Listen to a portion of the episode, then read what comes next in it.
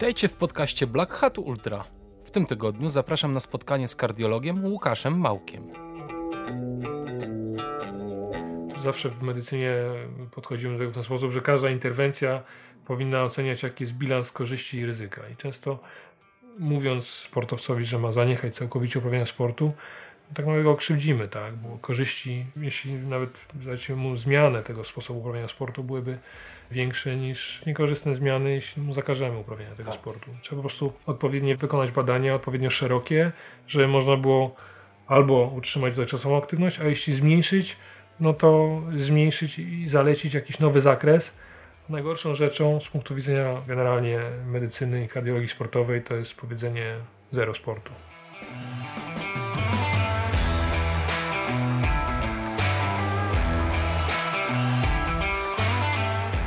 Mam nadzieję, że nikomu, kto uprawia sport, nie trzeba tłumaczyć, jak ważne jest serce i jak ważna jest kontrola, czy tam z nim wszystko jest w porządku. 25 stycznia podczas zawodów Zawierucha jednemu z zawodników serce odmówiło posłuszeństwa. I gdyby nie natychmiastowa pomoc innych biegaczy, za co należy im się duży szacun, Adam nie miałby szansy z tego wyjść. Na szczęście rozmowa z Łukaszem Małkiem, kierownikiem poradni kardiologii sportowej, przebiegła w bardziej optymistycznej atmosferze. Okazuje się, że wady serca bardzo rzadko są powodem do zaprzestania uprawiania sportu, a w zdecydowanej większości przypadków sport jest wręcz wskazany, jest lekarstwem. Zapraszam Was na rozmowę z biegaczem ultra i prawdziwym ekspertem kardiologii sportowej, Łukaszem Małkiem. Posłuchajcie.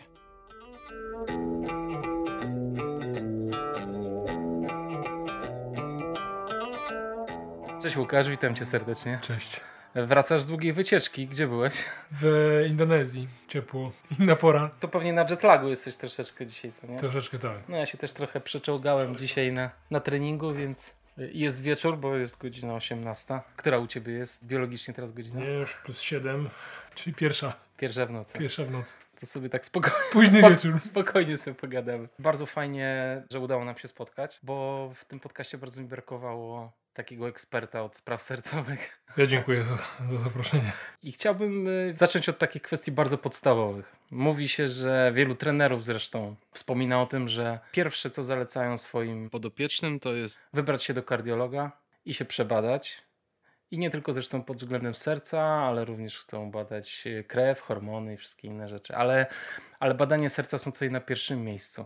Jakbyś mógł opowiedzieć czemu? Dlaczego to serducho jest takie ważne? Tak, no, no jest to główny narząd napędzający nas. I myślę, że, że głównie z tego powodu, że jeśli chcemy coś intensywnie e, trenować, zaczynamy, mamy jakieś plany, no to to, co może realnie zagrażać rzadko, to od razu trzeba dodać, ale jednak naszemu życiu, no to są jakieś problemy w układzie krążenia. Tak? Jeśli chodzi o, o problemy budowy stawów, kości, możemy mieć kontuzję czy skłonność do kontuzji. To można nas wyeliminować ze, ze sportu, z biegania ale raczej nas nie, nie zabije. Natomiast w przypadku serca akurat to jest taki jeden narząd i, i e, naczynia, które jeśli rzeczywiście mamy jakąś wrodzoną predyspozycję czy jakąś chorobę nabytą, to w określonych sytuacjach, jeśli do, dołożymy do tego intensywny trening, wysiłek, może stanowić to zagrożenie dla życia. Bardzo rzadko, ale myślę, że głównie z tego powodu warto takie badania zrobić. A czy te skłonności możemy też odziedziczyć?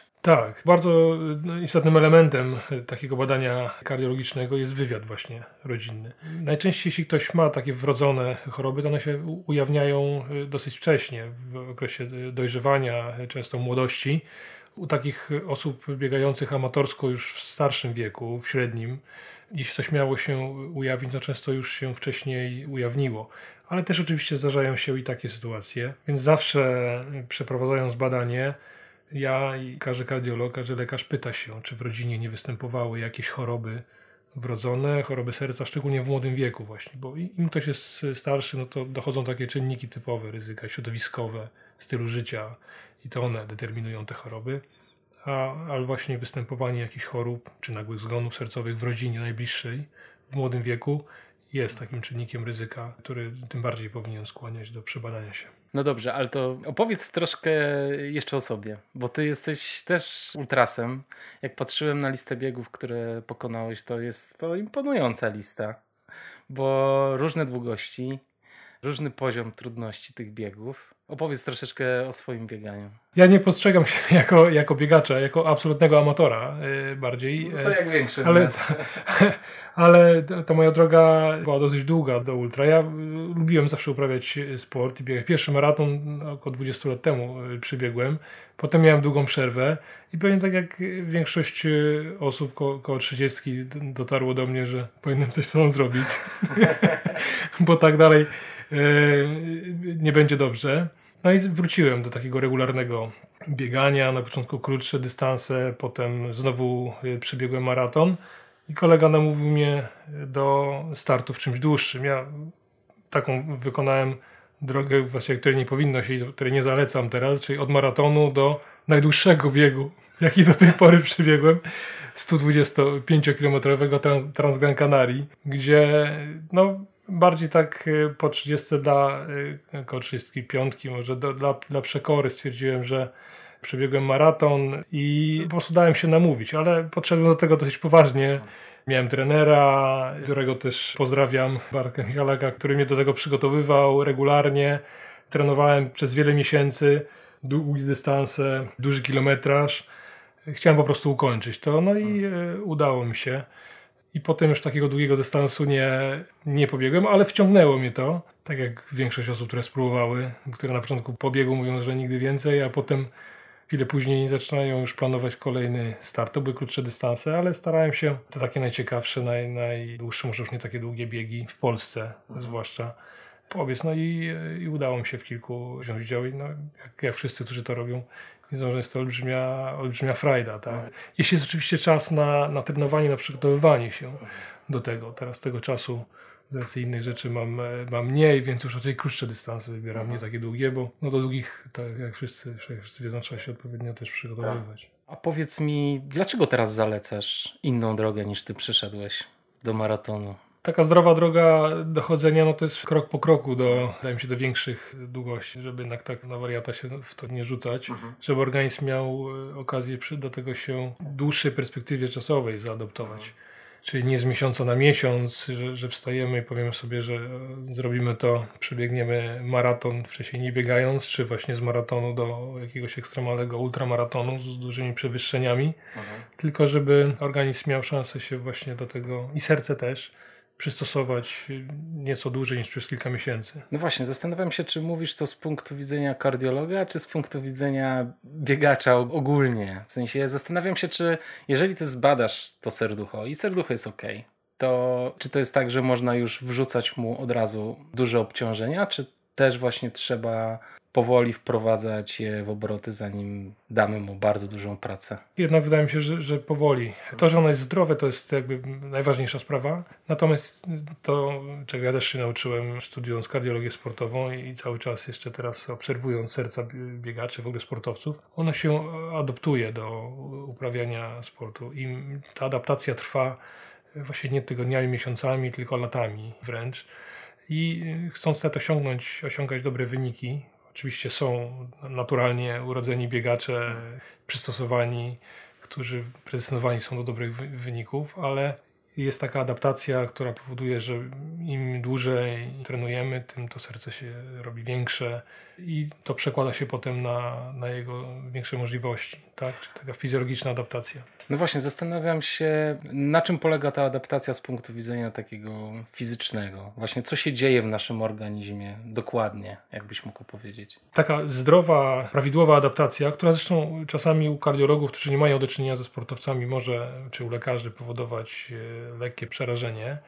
To jest kilka elementów. Jedna to jest taka, najłatwiej widzimy no, po swoich zegarkach, chociażby to jest elektryczna adaptacja serca. Ono zaczyna nam bić wolniej. Są osoby, które już wrodzone mają raczej wolny rytm, ale jeśli trenujemy dużo, szczególnie wytrzymałościowe e, sporty, takie jak bieganie, no to dochodzimy do bardzo niskich wartości spoczynku, co każdy czasami doświadcza i po 30 parę, i po 40, co, y, co u niektórych y, no, lekarzy może wzbudzać lekkie przerażenie, bo jest to tak zwana bradykardia, wolne, wolne bicie serca, które jeśli nie dodamy, że uprawiamy sport, to, to, to, tak, to, to może pociągnąć za sobą dodatkowe pytania, czy mam objawy, czy nie kręci nam się w głowie, czy nie mamy utrat przytomności, mogą być zalecane holtery. Natomiast jeśli to jest y, powyżej 30 uderzeń na minutę i prawidłowo wysiłku przyspiesza nam ten rytm, nie mamy żadnych objawów, no to jest właśnie jeden z takich pierwszych elementów. Skąd to się bierze? To taki układ autonomiczny, przywspółczulny w naszym organizmie, który odpowiada za właśnie zwolnienie y, procesów, za takie uspokojenie. Organizm uzyskuje przewagę nad takim układem obrony, ucieczki, czyli współczulnym. Mhm. I to on to serce zwalnia. I to jest elektryczny element i za tym idzie taka adaptacja strukturalna, czyli u osób właśnie trenujących dużo serce po prostu powiększa się. Symetrycznie powiększają się wszystkie jamy, czyli przedsionki i komory. I to też, jeśli ktoś ma wykonane badania echo serca i okazuje się, że to serce jest po prostu duże, mięsień może być nieco grubszy, też często budzi jakieś nieuzasadnione tak, podejrzenie, czy, czy czasami nawet zakaz uprawiania sportu. Jeśli ktoś spojrzy na to w sposób oderwany właśnie od, od sportu, bo to serce wygląda troszeczkę inaczej niż u osoby takiej prowadzącej siedzący tryb życia. Mhm. Ale to są prawidłowe mechanizmy adaptacyjne, e, uznawane za korzystne dla serca, a nie niekorzystne, czyli w ogóle właśnie w drugą stronę, czyli to postrzeganie czasami idzie w złą stronę i jakby głównie to, co ja robię, to też nie należy bać konsultując teraz, to raczej oczyszczam w cudzysłowie zarzutów sportowców, którzy przychodzą na konsultacje, bo ktoś powiedział, że na podstawie badań nie mogą uprawiać sportu, nie znając tego kontekstu adaptacji, gdzie jeśli oczywiście wykona się badania, wszystko jest w porządku i, i to jest to tylko czysta adaptacja, no to wręcz przeciwnie, nie ma żadnych przeciwwskazań, że mhm. jak najbardziej można dalej trenować. Także nie należy też tego bać, tych badań.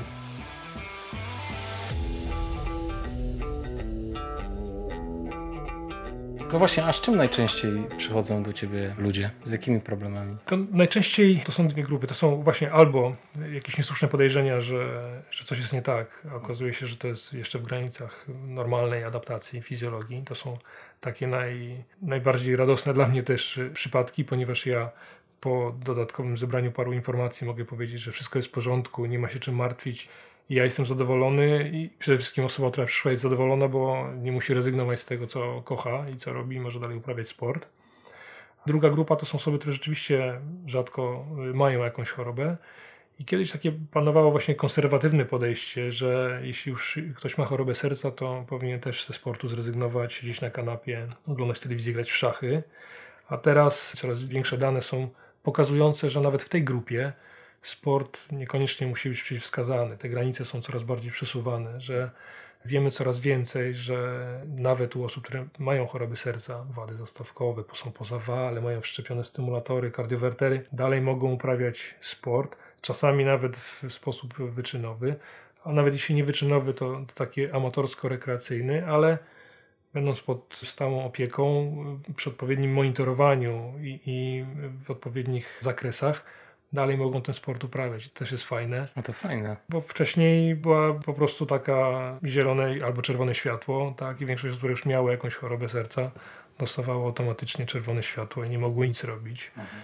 Więc to też jest fajne, daje dużo satysfakcji, że można coraz większej liczbie osób mówić, że mogą, mogą uprawiać sport. No właśnie, a one to robią dla przyjemności, czy to jest też forma leczenia serca? Tak, z punktu widzenia kardiologicznego patrząc, no to jest to jedno z najtańszych takich lekarstw nie dający oczywiście gwarancji nieśmiertelności, nie, nie leczący wszystkich chorób, ale rzeczywiście wszystkie badania pokazują, że poprawiający rokowanie, więc to jest takie najzdrowsze, najtańsze, najbardziej naturalne lekarstwo, tak, które powinno być zalecane, mhm. bo przekłada się na mniejszą liczbę zdarzeń, dłuższy czas życia. Tak? My po prostu wracamy do tego, co robili nasi przodkowie, a co my przestaliśmy robić. Nie mówię jeszcze 50-100 y, lat temu, mhm ale raczej kilkaset, kilka tysięcy lat temu, kiedy my średnio pokonywaliśmy po 10-15 km dziennie, chodząc, biegając, a teraz Szukając pożywienia. Szukając pożywienia. To byli tacy zbieracze, łowcy, tak? tak? którzy po prostu w ten sposób y, żyli. To mnie też ciekawi, więc czytałem sporo na ten temat. Okazuje się, że ich wydolność była podobna do średniej wydolności ultramaratończyków teraz, mhm. gdyby mierzyć szczytowe pochłanianie tlenu na przykład, tak? Oceniana na podstawie budowy kości, gęstości tych ty kości, mhm. E, była, była porównywalna. Oni w sumie wiedli taki żywot podobny do osoby intensywnie biegającej. To, to nie były co prawda takie długie dystanse, jak e, nie biegali nigdy ludzie po 80-100 kilometrów. To może nie jest do końca naturalne, tak, mhm. dla nas, ale na pewno kilkanaście kilometrów dziennie pokonywali. To był bardziej marszobieg. Więc nasze organizmy do tego są genetycznie przystosowane. My odeszliśmy od tego, bo rozwój techniki tak, tak szybko poszedł, że nie musimy teraz w ogóle się poruszać. A nasze organizmy się do tego domagają, tak? bo ewolucja tak szybko nie, nie następuje, jak, jak zmiany technologiczne. A powiedz jeszcze, jak z Pawłem Żukiem się spotkałeś? On teraz biegnie 5000 km, ty się nim zajmujesz, patrzysz na niego od czasu do czasu i wystawiasz mu dokumenty stwierdzające jego przydatność do biegania 5000 km. Jak go poznałeś? Opowiedz, jak się z tym czujesz w ogóle, że musisz podpisać papier pozwalający mu przebiec 5000 km. Tak, no to jest, to jest e, fascynująca, fascynująca rzecz. Ja śledzę na bieżąco teraz mhm. jego stary, a poznaliśmy się w czasie badań. Na WF-ie prowadziliśmy badania właśnie e, ultramaratończyków starając się odpowiedzieć na pytanie, czy takie wieloletnie, właśnie bardzo duże w sensie kilometrażu bieganie może być szkodliwe dla serca, czy nie. Okazało się, że, że nie, że wszystko jest w porządku, że są te zmiany adaptacyjne, ale żadnych cech uszkodzenia serca nie ma. No i Paweł zgłosił się do tego badania, to było dwa, dwa i pół roku temu teraz mniej więcej, jak one były, i tak się poznaliśmy i od tego czasu jesteśmy w kontakcie, coraz dłuższe dystanse sobie tam wkłada, coraz nowe, coraz ambitniejsze cele wyznacza. Rzeczywiście mam, mam okazję co jakiś czas prowadzić badanie, podpisywać dokumenty i śledzę to. Wszystko jest ok. Także no jest to fajna, bardzo barwna, ciekawa osoba. Mhm. Zachęcam które nie śledziły do śledzenia, tak? No, tak, tak. Ale nie masz trochę ręki na sercu? na sercu tak, bo to oczywiście ciężko jest przewidzieć, tak samo zresztą w krótszych biegach ultra, co się wydarzy. Nawet jak serce jest zdrowe, mhm. tu dochodzą takie czynniki jak czas, jak jednak y, bardzo duże obciążenie takie też w postaci spadku masy ciała, kaloryczne. W nawet krótszych biegach to dochodzą takie elementy jak zaburzenia elektrolitowe, odwodnienie, przegrzanie się czasami, które nawet u osoby zupełnie zdrowej mogą spowodować jakiegoś rodzaju e, problemy. I tego nie jesteś w stanie przewidzieć? Tego nie jesteśmy w stanie w żadnych testach prowadzonych tak w spoczynku, czy nawet w próbie wysiłkowej, trwa, która trwa kilka minut, przewidzieć. Tutaj w tego typu, e, zresztą to było widać na mistrzostwach w lekkiej atletyce Dausze, tak? co, się, co się działo w tym roku, jak było gorąco, mhm. jak zawodowi y, chodziarze czy maratończycy po prostu w takich temperaturach nie, nie dawali rady. Tak? Tam to chodziło do omdleń, do utrat przytomności prawie. Osoby na pewno przebadane od, od stóp do głów nie były w stanie ukończyć chodu na 50 km czy maratonu. Mhm. No właśnie z powodu warunków takich środowiskowych na to, na to wpływu nie mamy. No i tutaj też tak patrząc ile trwa ten, ten bieg, tak? to jest tak. dzień w dzień, ponad 100 km przez 50-60 dni tak. w różnych warunkach atmosferycznych. No, też e, oczywiście nie da się w takich badaniach wykonywanych w spoczynku wszystkiego przewidzieć, także trochę z, taką, z ręką na sercu to, to śledzę, ale to mają wszyscy kardiolodzy sportowi. Ja studiuję tą kardiologię sportową wciąż w Londynie, gdzie moi koledzy, którzy mnie tego nauczają, mający doświadczenie kilkudziesięcioletnie, opiekują się sportowcami zawodowymi i też mówią, że najczęściej osoby, które się zajmują kardiologią sportową, są też kibicami sportowymi, więc ja oglądam też zawody, starty i oni też tak do tego podchodzą, że są kibicami, interesują się samym uprawianiem sportu, ale też oglądają zawody sportowe, znają wiele z tych osób i patrzą w ten sposób też, że znając serca, częściowo z, z ręką na sercu, patrzą, czy rzeczywiście wszystko będzie w porządku, bo no nie wszystko da się e, przewidzieć, tak? Także to jest taki element. Dreszczyk emocji zawsze jest.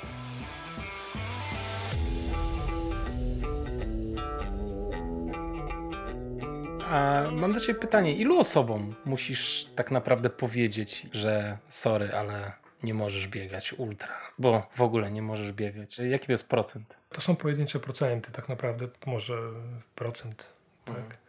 Rzeczywiście rzadko, rzadko, bardzo się to zdarza, więc też z tego punktu widzenia nie ma co się bać tych badań. To nie jest taka sytuacja, że jeśli to się obawia, że pójdzie i na pewno zostanie coś znalezione i nie będzie mógł uprawiać sportu, ile z tego powodu nie idzie. Nie, no. Jeśli rzeczywiście dokładnie zrobi się te badania, jeśli, jeśli robi się to mając wiedzę w tym temacie, no to jest około maksymalnie może 1%. Rzeczywiście, że ktoś nie może uprawiać mhm. sportu. To są bardzo rzadkie albo wrodzone choroby, albo takie nabyte już, które y, doprowadziły do takich zmian w sercu, że w sumie każda aktywność może być już ryzykowna. Także to mhm. są nawet mniej, to jest poniżej jakiegoś procenta. Tak. Mhm. A mam pytanie jeszcze do ciebie, jako też do biegacza i do osoby, która trenowała biegi.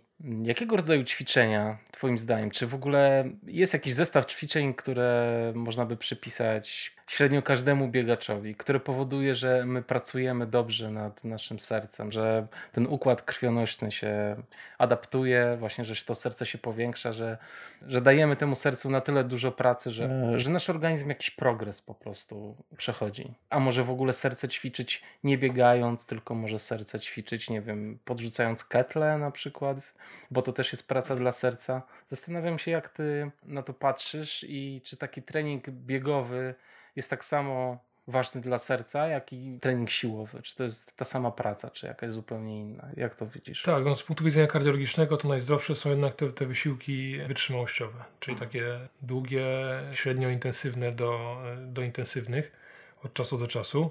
Badania takie przeprowadzone na, na olimpijczykach, na, na, na medalistach pokazują, że właśnie ci wytrzymałościowi sportowcy, czyli biegacze, narciarze alpejscy, kolarze, oni mają z punktu widzenia wydłużenia czasu życia, tak? Y, najbardziej to wydłużone. Jeśli chodzi o sporty mieszane, sporty zespołowe, mniej, sporty siłowe, takie czysto siłowe jeszcze mniej. Ale mhm. ja nie jestem trenerem, ale y, też badania kardiologiczne, jeśli chodzi o wpływ na czynniki ryzyka, na, na, na poprawę ciśnienia, cholesterolu, pokazują, że warto jest jednak łączyć y, sporty, czyli nie koncentrować się na jednej formie mhm. i jednym schemacie ruchów, tylko Myślę, że to osoby też, które ze swojego doświadczenia yy, widzą, jeśli dodadzą coś, jakiś element zupełnie uruchamiający inną grupę mięśni, czy inny charakter ćwiczeń, czyli do wytrzymałościowego, do biegania rower, albo do tego jeszcze siłownie, czyli jakieś sporty siłowe, najlepsze y, osiągają efekty, bo, bo, bo właśnie włączamy nieco inne partie yy, mięśni, inaczej pracuje także serce w związku z tym, inaczej zmieniają się ciśnienia, i ta adaptacja jest pełniejsza wtedy niż do jednej formy, jednego schematu, wciąż powtarzanego no codziennie tak samo. Czy, I co daje nam progres? No jeśli widzimy oczywiście lepsze efekty, ale też prawidłowe zachowanie naszego serca, tak? Bo drugą stroną medalu jest to, że możemy się przetrenować, tak? Jeśli to serce zaczyna nam jakoś nierówno bić, odczuwamy y, zaburzenia rytmu, to jest często jedno z pierwszych takich elementów.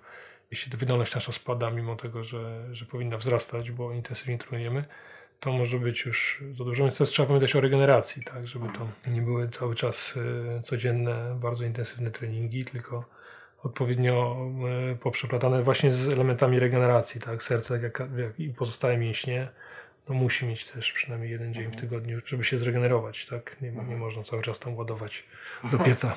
Nie, no tak, to jest, poza tym to są ciężkie treningi, prawda? To, to tak, absolutnie, tego nie można nadużywać.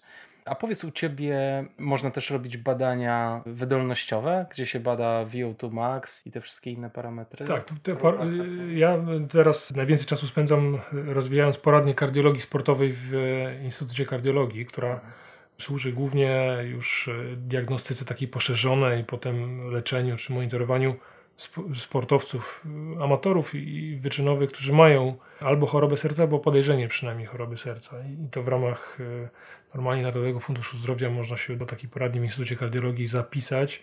Terminy nie są długie i tam przy okazji czasami wykonujemy badania takie wydolnościowe, ale nie to jest jakby głównym celem tej poradni, więc raczej poza tym miejscem w Warszawie w kilku miejscach takie badania można mhm. wykonać, bo tutaj bardziej chodzi o ocenę właśnie progów, maksymalnej wydolności, możliwości zawodnika w danym momencie. No właśnie, tak, tak. Jest trochę to wykracza poza samą kardiologię sportową, to jakby cele są ocena bezpieczeństwa tak, tak. tego. Trochę inny profil badań, głównie EKG, echo, próba, ale taka zwykła próba wysiłkowa. Czasami taka poszerzona o ergospirometrię też jest wymagana, ale rzadko. Wystarczą często te badania takie podstawowe z pomiarem ciśnienia, cholesterolu, właśnie wywiadem rodzinnym.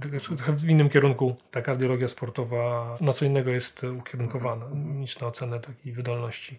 A jakie masz najciekawsze przypadki u siebie? Nad czym lubisz najbardziej pracować? Tak, że nie wiadomo dlaczego coś się dzieje Aha. i dopiero czasami po wielu badaniach okazuje się, że coś co najmniej podejrzewaliśmy okazuje się być odpowiedzialne za chorobę. Zdarzają mi się takie sytuacje. A, a podaj jakiś przykład. Ja, ostatni przykład osoby w średnim wieku, takim już średnim starszym. Wszystkie badania prawidłowe, ciśnienie prawidłowe, cholesterol prawidłowy w rodzinie, nikt nie chorował i zaburzenia rytmu jakieś się pojawiły, nierówne bicie serca komorowe.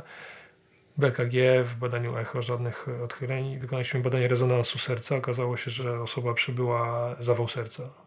Nawet nie wiedząc kiedy, na przestrzeni lat, no, które spowodowało te zaburzenia rytmu. No ale y, od tego wychodzimy do kolejnych badań, które teraz robimy. Dlaczego? Dlaczego ten zawał się pojawił? Tak? No, to też pokazuje, że sport pomaga, ale nie daje, nie czyni nas nieśmiertelnymi. Tak? No tak. Czasami mamy jakieś genetyczne obciążenia, albo coś, co się wydarzyło wcześniej, zanim ten sport zaczęliśmy uprawiać i z czym wchodzimy do tego sportu, co może potem rzutować na jakieś objawy, które się pojawią czasami lata później. Sam ten proces dochodzenia do tego, dlaczego, mimo że czujemy się zdrowi, coś się zaczyna dziać, czasami jest bardzo długi, ale ciekawe, czasami się pojawiają sytuacje no jest dużo osób, które też niestety niewłaściwie podchodzą do, do sportu, stosują różne substancje. Tak, dodatkowo to jest oddzielny temat.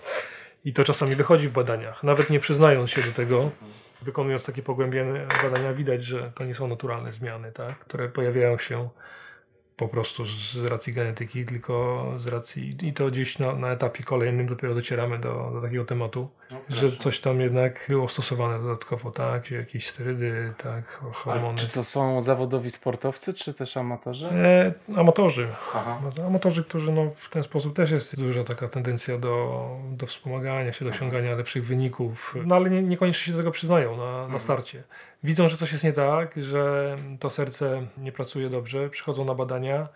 Badania pokazują rzeczywiście, że jest problem, no ale ten temat jakby nie do pewnego momentu nie wychodzi jeszcze. Tak. Dopiero się pojawia przy omawianiu tych wyników, że no, to są poważne jakieś problemy i że może to wynikać z tego i pojawiają się takie wtedy mhm. dopiero mhm. sygnały, że rzeczywiście ktoś coś tam stosował i, i to w świecie sportu amatorskiego zdarza się, tak? Mhm. wcale nierzadko. Mhm. Wcale nierzadko, tak? W, szczególnie w sportach takich siłowych, tak? Ale wytrzymałościowych też. Mhm.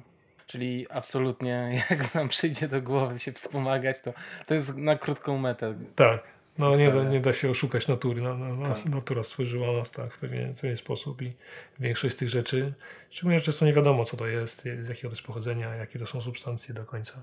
Mm. I e, no, można się na nie złominę ładować. To rzeczywiście może wtedy wykluczyć nas no, na długo albo na zawsze z uprawiania sportu, także zdarzają się takie sytuacje.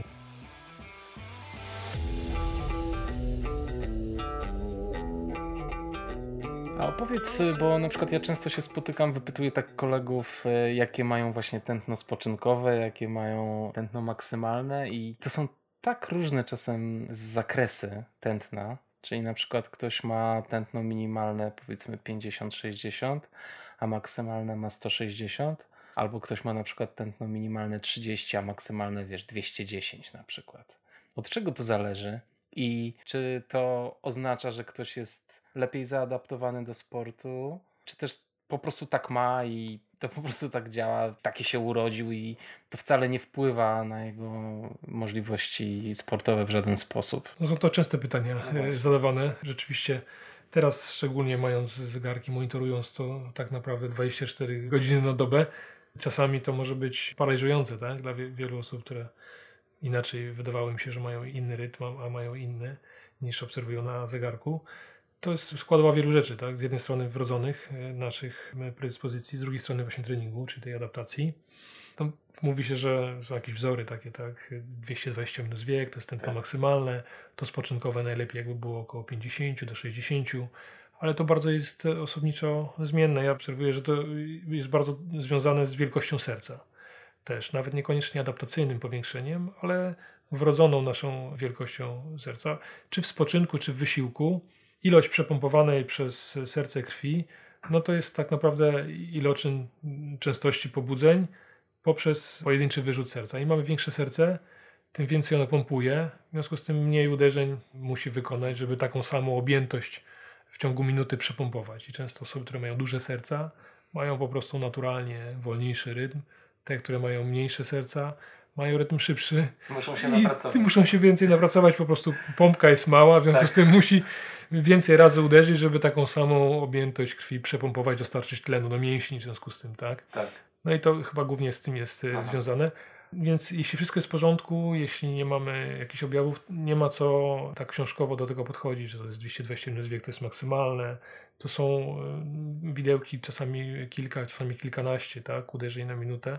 No i często jest to paraliżujące dla, dla wielu osób, które patrzą na zegarki, a że tutaj niby powinno być 140, a nagle zaczęło być 160. Nie no, te zegarki to jeszcze, wiesz, nie potrafią dobrze czytać tego tętna, to jest najgorsze. I to czasami powoduje całkowity paraliż, albo nawet y, powód do zgłoszenia się na konsultacji, gdzie nic się nie dzieje, tak. poza tym, że zegarek wariuje, pokazuje za dużo, za mało, niż spodziewaliśmy się, że, że powinien nam pokazywać. nie ma co do tego przywiązywać aż tak dużej wagi, jeśli to jest miarowe, bicie serca, jeśli nie ma żadnych objawów, tak to, że to nie jest książkowe 220 minus wiek, a spoczynkowe też czasami jest czy wyższe, czy niższe, to jest też kwestia pory dnia, zmęczenia, zjedzenia posiłku. Nie możemy cały czas na zegarek patrzeć i tam... No tak. E, a już na pewno nie szczytywać z nadgarstka.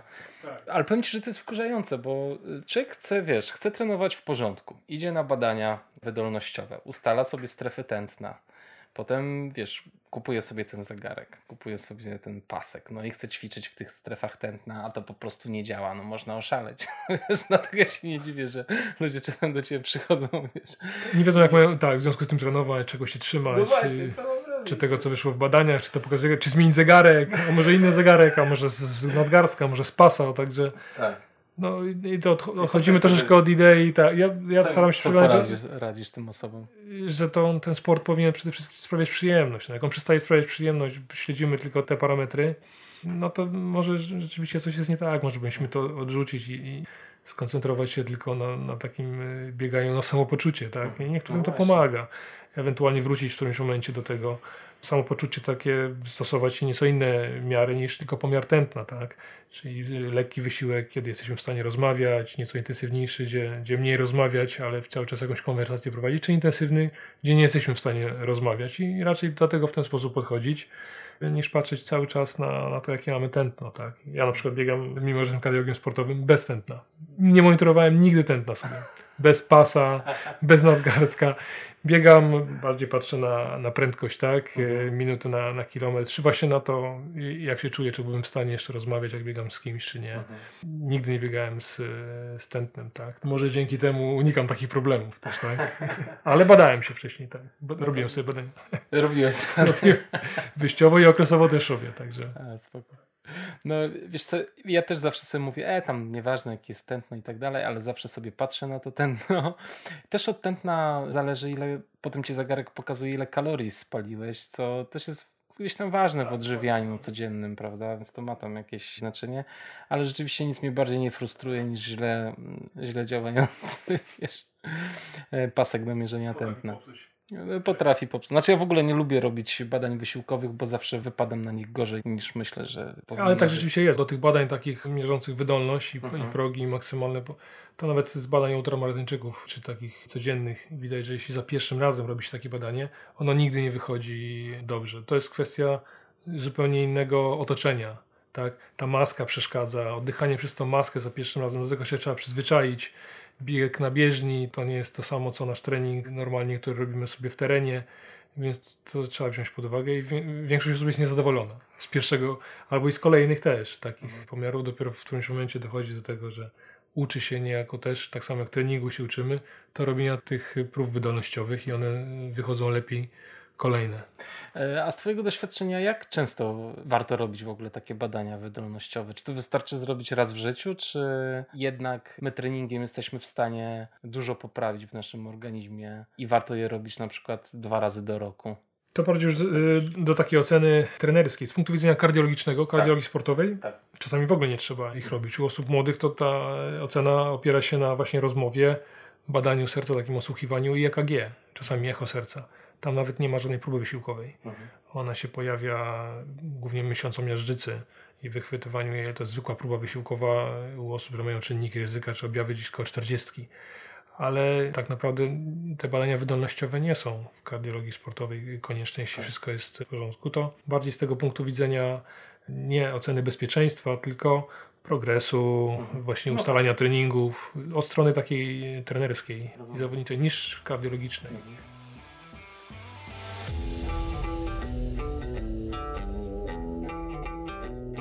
A właśnie, a ty wspomniałeś, że robiłeś badania na ultramaratończykach kardiologiczne. Powiedz trochę o tych badaniach, jakie były założenia i co ci w ogóle wyszło z tych badań. No, w świecie kardiologicznym cały czas, zresztą wciąż to, kiedy pewnie liczba tych danych nie będzie jakoś duża zgromadzona, pokutuje takie przeświadczenie, że nie wiemy, że może to Hipokrates jeszcze powiedział, że dla zdrowia najlepsze jest uprawianie wielu rzeczy w odpowiedniej ilości, że w nadmiarze też szkodzi, cokolwiek zresztą. Tak samo podchodzi się do, do, sportu, że nadmierne, zbyt długie, zbyt intensywne, czyli takie ultra właśnie biegi, może one są szkodliwe. Kiedyś to była mała grupa osób, więc nie było na kim na tych badań prowadzić. Kogo obserwuję, były opisy pojedynczych osób. Właśnie tak jak Pawła biegającego 5000, czy biegającego z wschodniego na zachodnie wybrzeże w Stanach. Ale wiadomo, że opisy pojedynczych osób są niemiarodajne. Teraz coraz więcej osób się w to bawi. W związku z tym też łatwiej jest badać te osoby. No i nie tylko ja, bo równolegle badania wielu i wcześniej i teraz były prowadzone w Hiszpanii, w właśnie Wielkiej Brytanii, w Niemczech. No i my też mieliśmy do tego cegiełkę dołożyć i założeniem było możliwie kompleksowe przebadanie serca u osób, które od, założyliśmy sobie minimum 7 lat uprawiają biegania ultra, tak? gdzie, gdzie ten kilometraż około 70 km średnio tygodniowo. Najczęściej było to więcej. Je z licznymi startami na dystansach powyżej 100 kilometrów, w biegach górskich czy takich płaskich. Czyli to były osoby w około 40 roku życia, tak nam to wyszło, 42 lata. Początkowo myśleliśmy, że obu płci i potem skoncentrowaliśmy się na facetach tylko, tak, bo, mhm. bo jednak miażdżąca przewaga była osób, które się zgłosiły. Nie chcieliśmy już robić tej grupy niehomogennej. No i udało się zebrać 30 osób, bardzo dużo i długo biegających i, i robiliśmy im badania od takiego podstawowego EKG, właśnie próby wydolnościowej, ergospirometrii, rezonansu serca, USG, tętnic szyjnych, badań krwi, z różnych kątów patrząc na, na markery ryzyka, na, na serce. No i okazało się, że czynniki ryzyka mają dużo lepsze niż grupa kontrolna, niższy cholesterol, lepsze ciśnienie, mają prawidłowy taki profil. I nie ma też żadnych cech uszkodzenia, są tylko bardzo, bardzo wyrażone te zmiany adaptacyjne. Te serca były półtora raza większe niż w tej grupie kontrolnej trochę grubsze. Tętno oczywiście średnio wychodziło około 40 na minutę, czyli wszystko w granicach adaptacji jeszcze, ale bez żadnych cech uszkodzenia. No, można powiedzieć, że mała grupa, 30 osób, ale jak takich badań zbierze się 10-15 z różnych części świata, mhm. no to już to daje jakiś pogląd, że no nie może to być aż tak szkodliwe, jak było malowane, tak? czy jest malowane czasami. Prawdopodobnie dlatego, że biegi ultra nie są aż takie intensywne często. Czasami to ryzyko przesadzenia z intensywnymi treningami i przetrenowania bardziej dotyczy krótszych dystansów maratońskich, gdzie ten czas tutaj się biega bardziej na niższym tętnie, tak, tak się to rozkłada na wiele godzin. Tutaj to bardziej mięśnie, stawy. Bardziej tak, to, to jest jakby, może być przeciążone rzeczywiście, a serce sobie tam spokojnie pracuje w strefach takich umiarkowanych i rzeczywiście tego ryzyka nie ma aż tak dużego, jak się wydaje, że to jest niezdrowe.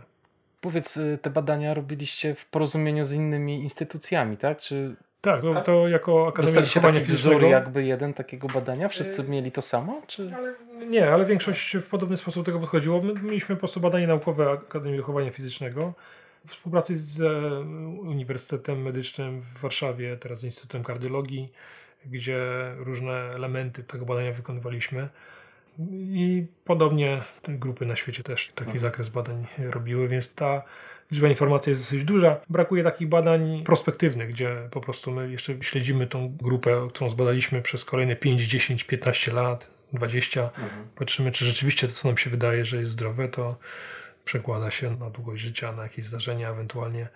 No, ale to dopiero z czasem będziemy wiedzieć, jak minie odpowiednia długość tak, życie, no tak. rzeczywiście to jest e, wszystko zdrowe i, i prawidłowe i to mam nadzieję, że zamknie temat, że jest to raczej zdrowe niż niezdrowe i że jest to droga, którą powinno się iść, a nie raczej zniechęcać ludzi od takiego no. uprawiania sportu. To by było fajnie, jakby tak wyszło, chociaż i tak wszyscy mówią, że o, biegasz ultra, to stracisz kolana albo coś tam bardziej niż, niż serducho, więc tak. Chociaż, tu jest jeszcze temat, prawda? Oczywiście, chociaż ja zawsze podchodzę do tego w ten sposób. Sam też miałem kontuzję, miałem artroskopię kolan, tak, jednego i drugiego jakieś tam e, fragmenty łąkotek wycinane. Natomiast patrząc na to z punktu widzenia długości życia, zdrowia, no to nawet te kontuzje nie przekładają się tak na długość życia jak choroby serca. Tak?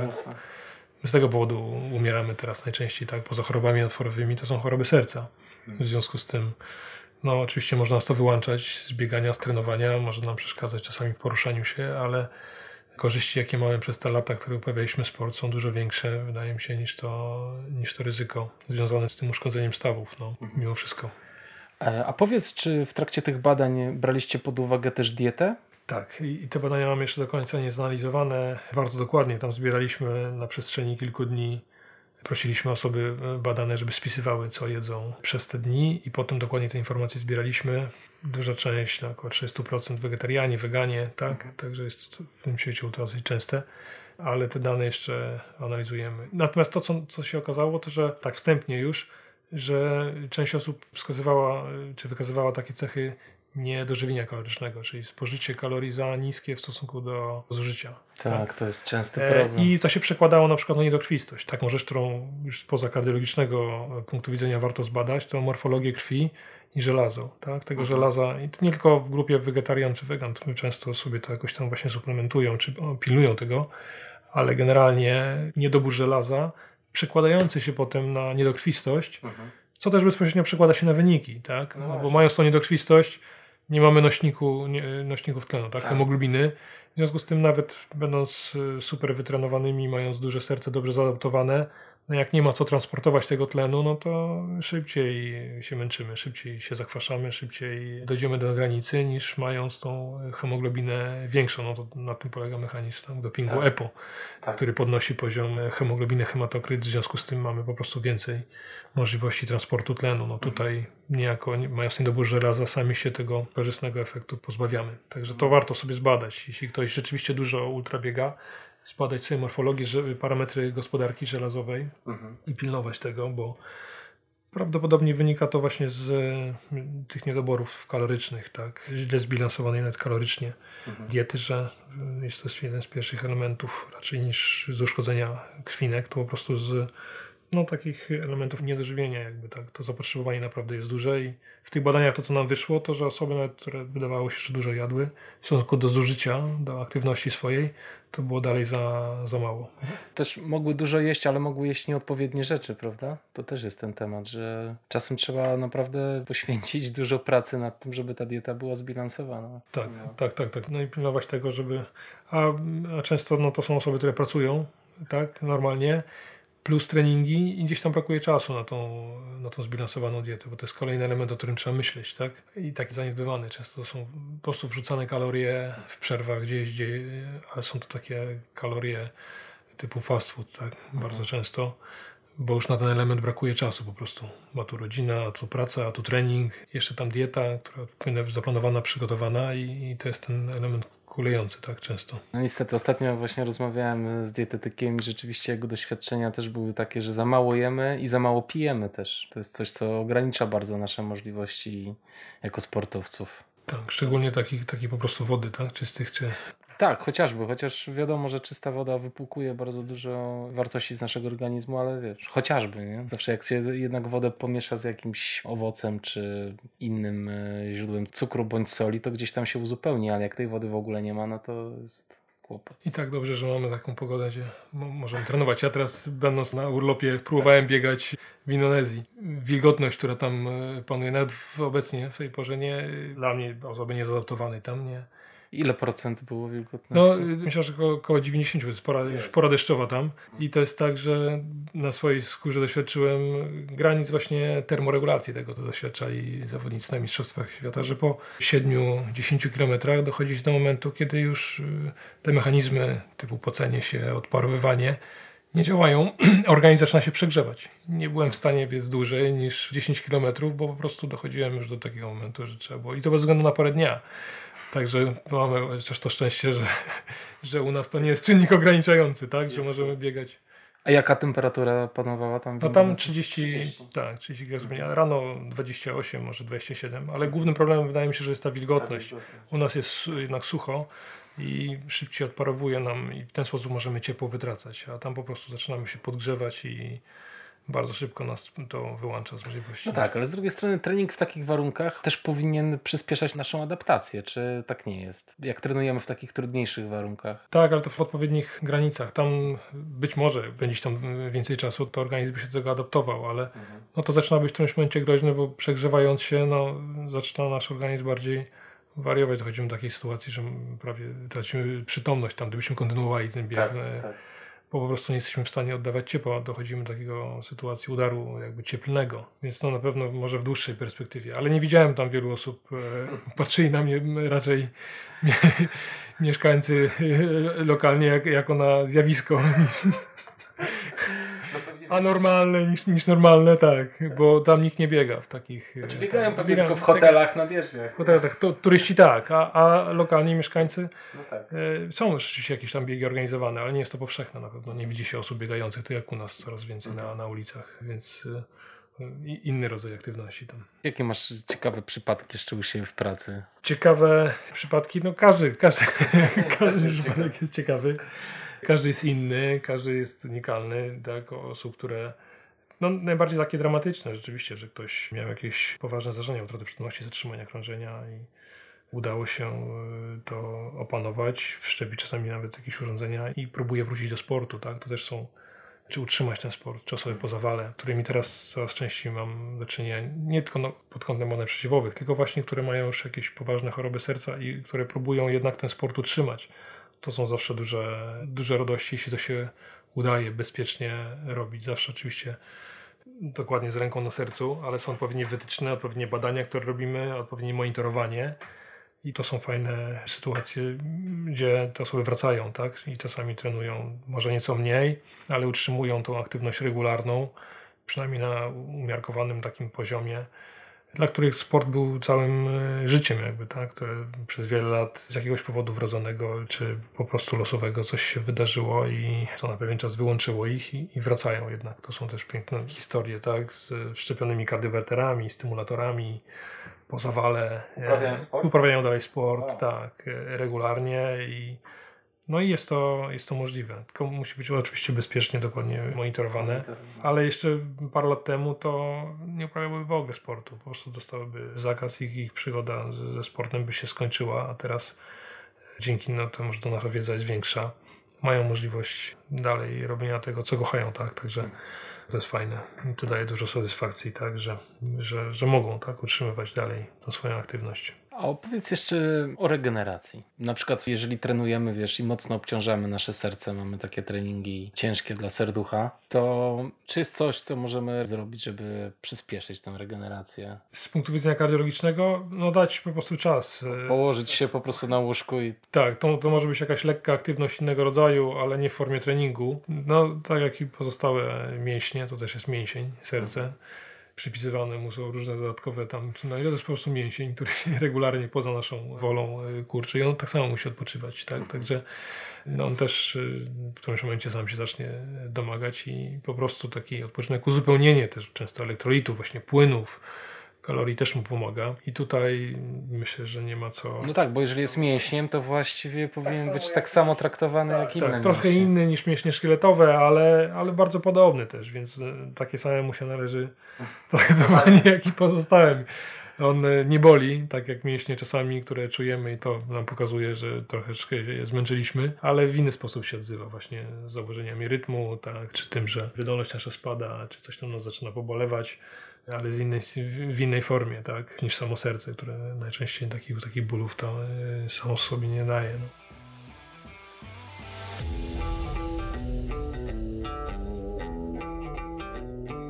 Jakie sygnały alarmujące mogą być, które u siebie obserwujemy, które powinny nas skłonić do tego, żeby odwiedzić kardiologa? Ta paleta tych, tych objawów jest dosyć duża, natomiast takie naj, najgroźniejsze to są stany przedomdleniowe albo utraty przytomności związane z wysiłkiem albo po wysiłku szczególnie. Bo bóle w klatce piersiowej mogą mieć różnego rodzaju pochodzenie. Oczywiście też. Natomiast czasami to mogą być bóle z kręgosłupa, bóle mięśni, jakieś nerwobóle.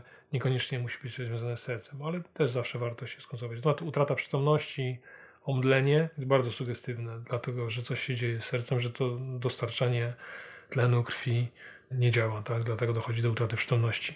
Zaburzenia rytmu, nierówne bicie serca, szybkie szczególnie, albo też właśnie za wolne, przerwy jakieś w biciu serca, które powodują zawroty głowy, ale to też się przekłada na omdlenia. To też powinno skłonić do i spadek wydolności. To, to, niekoniecznie muszą być bóle, nawet w chorobie wieńcowej, bo często sportowcy mają dosyć dobrze rozwinięte krążenie oboczne, więc to nie są takie typowe bóle dławicowe, jak się mówiło osób w średnim wieku, takie zwiastujące nadchodzący zawał. Czasami to objawia się spadkiem wydolności i właśnie miałem kilka osób, które zgłaszały to w ten sposób, że szły na trening, biegły normalnie, robiły po kilkanaście kilometrów treningu, a ty po dwóch kilometrach musiały przystanąć, bo czuły się zmęczone. Mhm. Bez żadnego bólu nawet specjalnie, no ale to jest sytuacja no, nietypowa, tak? bo normalnie przecież rozgrzewamy się na takim dystansie, a nie, a nie musimy się zatrzymać.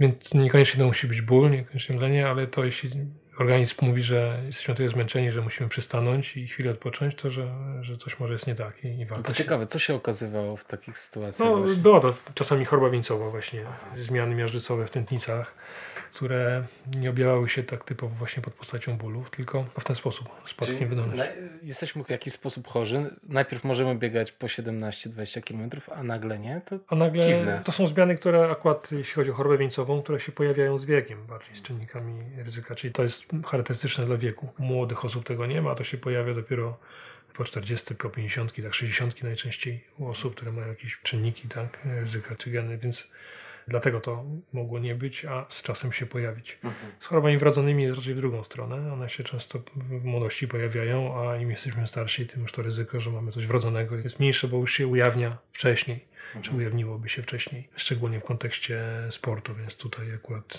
mniejsze jest już ryzyko, a więcej tych chorób nabytych. Także no, bardzo jest to takie szerokie pole mhm. działań, ta kardiologia sportowa, ale, ale nie ma się czego bać. Tak warto się badać, bo rzadko kiedy okazuje się, że jest coś, co włącza z, z bieganiem. Czyli dla Ciebie widzę strasznie jest ważne to, żeby przekazać ludziom taką informację, żeby bez potrzeby nie rezygnowali tak, z wysiłku fizycznego. Żeby zachowywać tą aktywność fizyczną. No, tak. Widząc, jakie są korzyści z tego, no i na tym też działanie jakieś, czy promowanie tej kardiologii sportowej polega, że raczej ta cała dziedzina jest tworzona po to, żeby z jednej strony może wyszukać osoby, które są zagrożone i uniknąć tych takich rzadko zdarzających się nagłych zgonów czy zgonów w czasie zawodów, ale z drugiej strony, żeby niepotrzebnie, wiedząc jak organizm reaguje, jakie korzyści są ze sportu, nie zniechęcać ludzi od uprawiania sportu, ponieważ ich serce bije wolniej, bo jest trochę powiększone, albo mają jakieś łagodne choroby i często słyszą, że nie, to już może. Od kogo słyszą? Od swoich lekarzy, tak? Tak, często od lekarzy, którzy nie mają tego kontekstu sportowego, którzy nie widzą, którzy widzą pacjentów takich prowadzących siedzący tryb życia i po prostu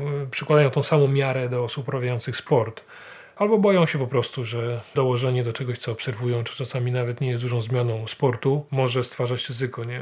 Znaczy w sposób taki nieuzasadniony, ale no tak. na zasadzie nawet dla własnego spokoju sumienia. Tak? Tymczasem się wylewa w ten sposób tak, dziecko z kąpielą troszeczkę, no bo, bo korzyści są dużo większe niż to ryzyko bardzo często. No i zawsze w medycynie podchodzimy do tego w ten sposób, że każda interwencja powinna oceniać, jaki jest bilans korzyści i ryzyka. I często mówiąc sportowcowi, że ma zaniechać całkowicie uprawiania sportu, tak naprawdę go krzywdzimy, tak? bo korzyści, jeśli nawet dajcie mu zmianę tego sposobu uprawiania sportu, byłyby większe niż niekorzystne zmiany, jeśli mu zakażemy uprawiania tego tak. sportu. Trzeba po prostu odpowiednio wykonać badania, odpowiednio szerokie, żeby można było albo utrzymać dotychczasową aktywność, a jeśli zmniejszyć, no to zmniejszyć i zalecić jakiś nowy zakres, Najgorszą rzeczą z punktu widzenia generalnie medycyny i kardiologii sportowej to jest powiedzenie zero sportu. Proszę nic nie uprawiać, grać w szachy.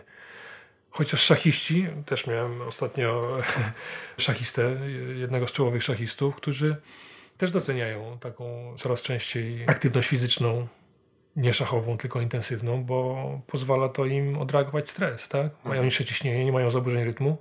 I miałem właśnie osobę grającą w szachy, która Miała podwyższone ciśnienie, miała zaburzenia rytmu, miała bóle głowy, w związku z tym utrudniało to profesjonalną pracę. Mhm. Gry takie symultane z wieloma zawodnikami są bardzo stresujące. I ci czołowi szachiści teraz są bardzo sprawni fizycznie goście, tak? Oni, oni trenują, biegają, tak, uprawiają, chodzą na siłownię, mhm kilkanaście kilometrów dziennie biegają, także szachy mówi się, że to nie jest sport. No to, to jest jak najbardziej i coraz częściej są to osoby bardzo sprawne fizycznie, bo one dzięki temu mogą tak jak my też czujemy się lepiej, jak pójdziemy na trening Tak. i obiegamy, i nie tylko w kontekście sportu, łatwiej się koncentrujemy, skupiamy, jesteśmy w stanie pracować. Oni też to dostrzegli, no i mają lepsze efekty w czasie gry w szachy. Tak? No to wspaniałe. Piękna historia. A słuchaj, czy ty w związku z tym też e, prowadzisz jakąś działalność taką edukacyjną dla lekarzy pierwszego kontaktu, w której jakby tłumaczysz im całe to swoje podejście? E, Staramy się, tak. To e, nie tylko ja, bo to najlepiej jak się robi to w, w grupie, tak, szerzej. Jest Polskie Towarzystwo Kardiologiczne i jest w Polskim Towarzystwie Kardiologicznym sekcja taka kardiologii sportowej, która ma swoje własne kongresy, spotkania, ale też w ramach takich szerszych kardiologicznych spotkań ma sesje czy wystąpienia poświęcone właśnie kardiologii sportowej i tam staramy się takie przesłanie nieść, o którym tutaj mówiłem.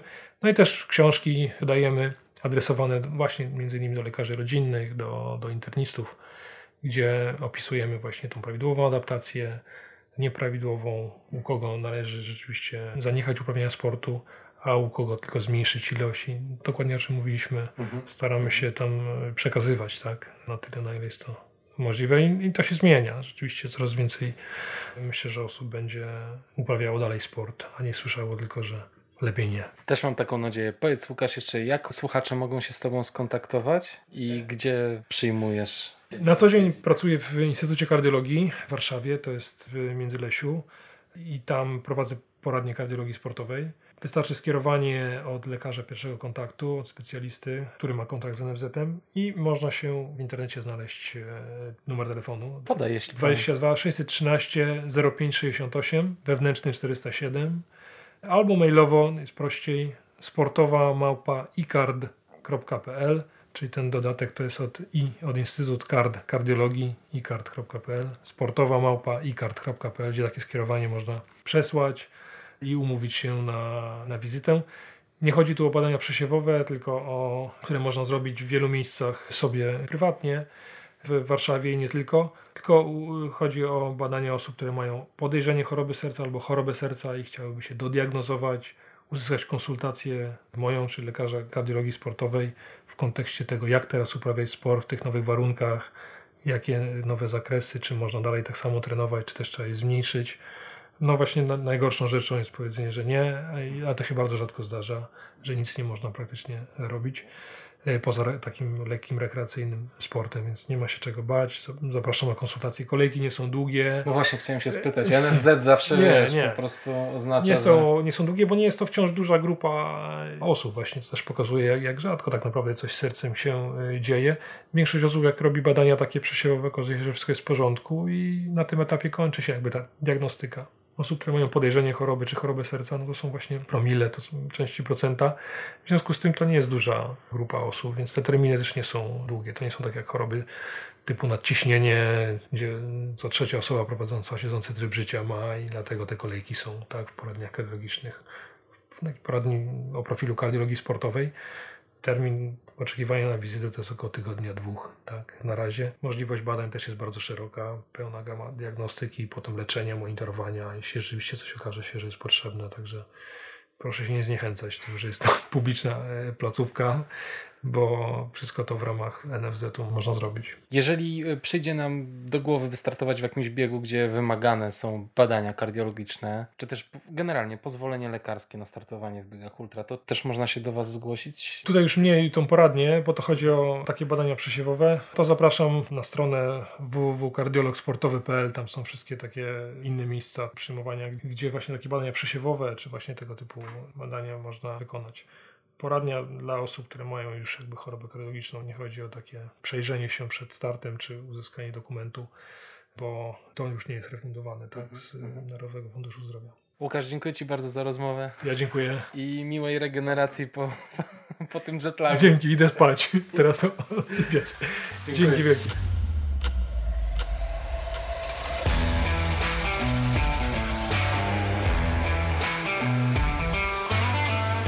Dziękuję Wam serdecznie za wysłuchanie tego podcastu. Zapraszam Was też do wysłuchania pozostałych 40 odcinków Ultra Historii. Jeśli podoba Wam się to, co robię, wspierajcie podcast w mediach społecznościowych i umieszczajcie informacje o nim w relacjach, postach i na tablicach. Niech wieść się niesie i słuchaczy przybywa. Im więcej słuchaczy, tym większa szansa, że podcast będzie długo cieszył wasze uszy. Możecie również wesprzeć ten podcast finansowo na patronite.pl łamane na Black Hat Ultra. Bardzo doceniam każdy wkład, a najniższy próg wsparcia to tylko 5 zł, więc nie ma na co czekać. Dokładny link znajdziecie w opisie odcinka. W tej chwili podcast na Patronite wspierają 34 osoby. Ale chciałbym wymienić tutaj nazwiska tych, których wkład jest największy. Są to Przemysław Barnowski, Krzysztof Bednarz, Michał Janiak, Marcin Jaźwiecki, Jakub Korczyk, Przemysław Kozłowski, Marcin Stefaniak i Edyta Winnicka. Zapraszam również do zakupów świetnych butów firmy Altra i majtek dla mężczyzn Saks. Wpisując kod promocyjny Black Hat jest szansa na sporą zniżkę. Ten odcinek podcastu Black Hat Ultra przygotowali Kamil Dąbkowski, prowadzenie oraz Piotr Krzysztof Pietrzak, montaż, transkrypcja i media społecznościowe. A autorem muzyki jest Audio Dealer. A jeżeli jeszcze ktoś tu jest, jeśli jeszcze ktoś mnie słucha, jesteś tu? Tak, ty. Zatrzymaj się na 30 sekund, zamknij oczy i poczuj swój oddech. Tak po prostu.